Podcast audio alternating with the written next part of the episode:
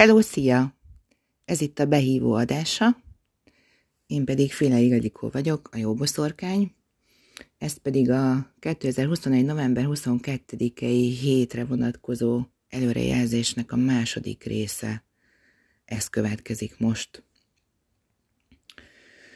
Ugye tegnap, a hétfői napon az önelfogadás és a barátság kártyája jelent meg az angyalkártyák közül, és hát már kedden, tehát igazából már másnap visszaköszön az a kérdés, hogy hogyan bánsz önmagaddal. Az ellenség ugye természetesen manifestálódhat egy külső személy, egy rossz akaró személyében is, azonban most a héten nem ez lesz a lényeg. Sokkal inkább érdekes az a jelentése a kártyának, hogy milyen szégyelt vagy éppen elfolytott energiák mozognak benned. Mik azok az érzések, gondolatok, amelyek éppen, hogy csak felbukkannak benne, átsuhannak az agyadon, te pedig gyorsan elhesegeted őket. Ugye erről beszéltem az első részben is. Az a kérdés, hogy kit tartasz ellenségednek. Lehetséges-e szerinted, hogy a saját belső békétlenséget mutatkozik meg a külvilágban.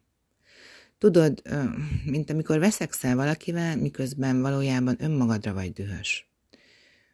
Mm, ugye az volt a kérdés, hogyan bánsz önmagaddal. Ostorozod magad. Sokszor negatív kritikával illeted magad. Igazán, ha belegondolsz, akkor nincs mind csodálkozni, hogyha alapvetően ettől szar lesz a kedvent, vagy rossz lesz a hangulatod. Nevezhetjük ezt akár egy önmagaddal való kegyetlenkedésnek is. Az a nagy kérdés, hogy önmagadnak te magad vagy a legnagyobb ellensége. Gondold át, gondold át, hogyan bánsz magaddal, és hogy hogyan bánik veled a külvilág amikor nem rejtegeted tovább önmagad elől sem azokat a gondolataidat, vagy érzéseidet, amelyek mondjuk, mondjuk úgy nem túl szalonképesek, azzal felengeded ezeket a tudatos szintre, mindazt, ami mondjuk éppen nem felel meg az aktuális társadalmi normáknak, akkor tudsz velük igazából mit kezdeni. Mindaddig, amíg rejtve vannak, amíg nem is nem is akarod észrevenni őket, addig tudnak úgy hatni rád, hogy néha azt sem tudod, miért reagálsz egy adott szituációban úgy, ahogy éppen reagáltál, vagy reagálsz. És hát valljuk be, utólag, utólag a legkönnyebb okosnak lenni. Csak, hát igen, utólag nehezebb helyrehozni is a dolgokat, hogyha valamit elbajtázunk. Az a lényeg, hogy amikor nevén nevezett az ellenséget, akkor el, elveszíti az erejét.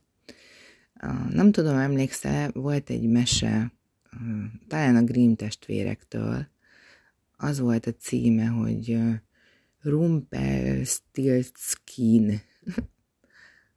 Nem fogom tudni még egyszer kimondani. A hét közepén aztán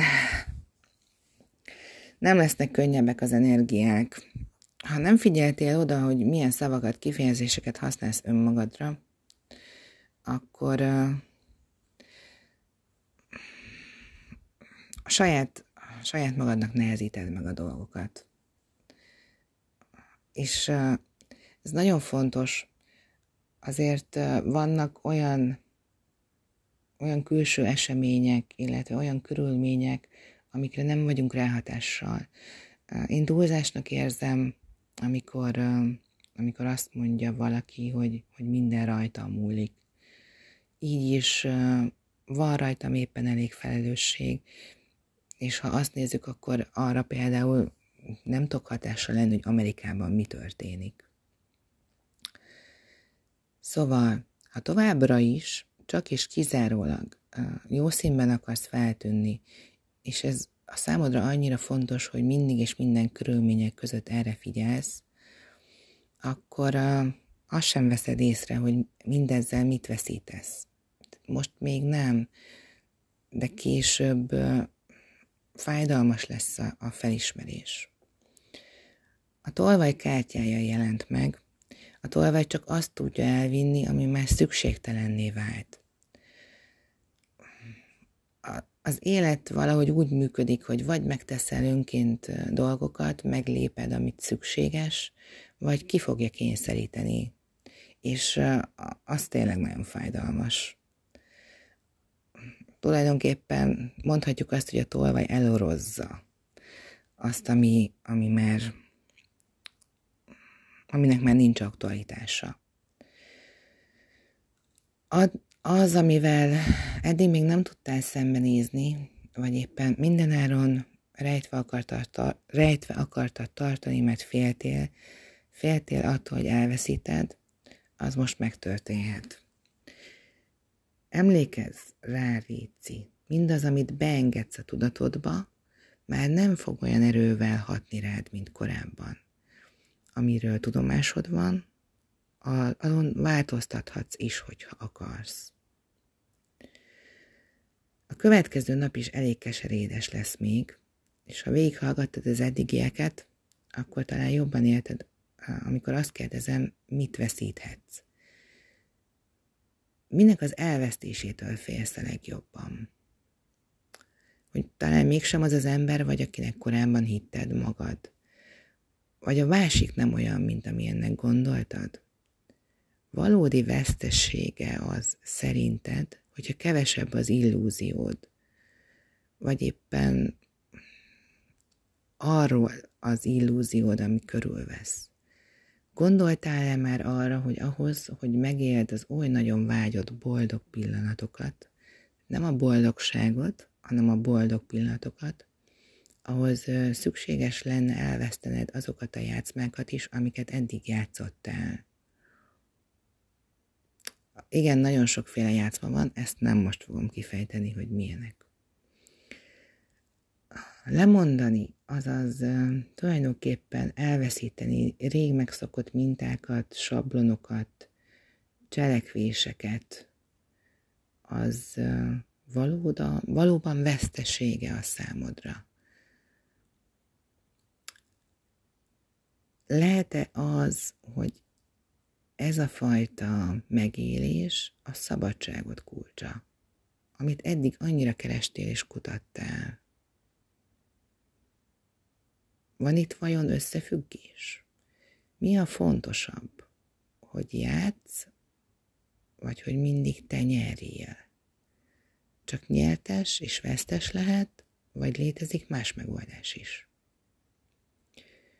Az egyik legfontosabb kérdés, hogy mire vágysz valójában. Tudod-e egyáltalán, mire vágysz valójában? Arra, hogy igazad legyen, vagy arra, hogy igazság legyen?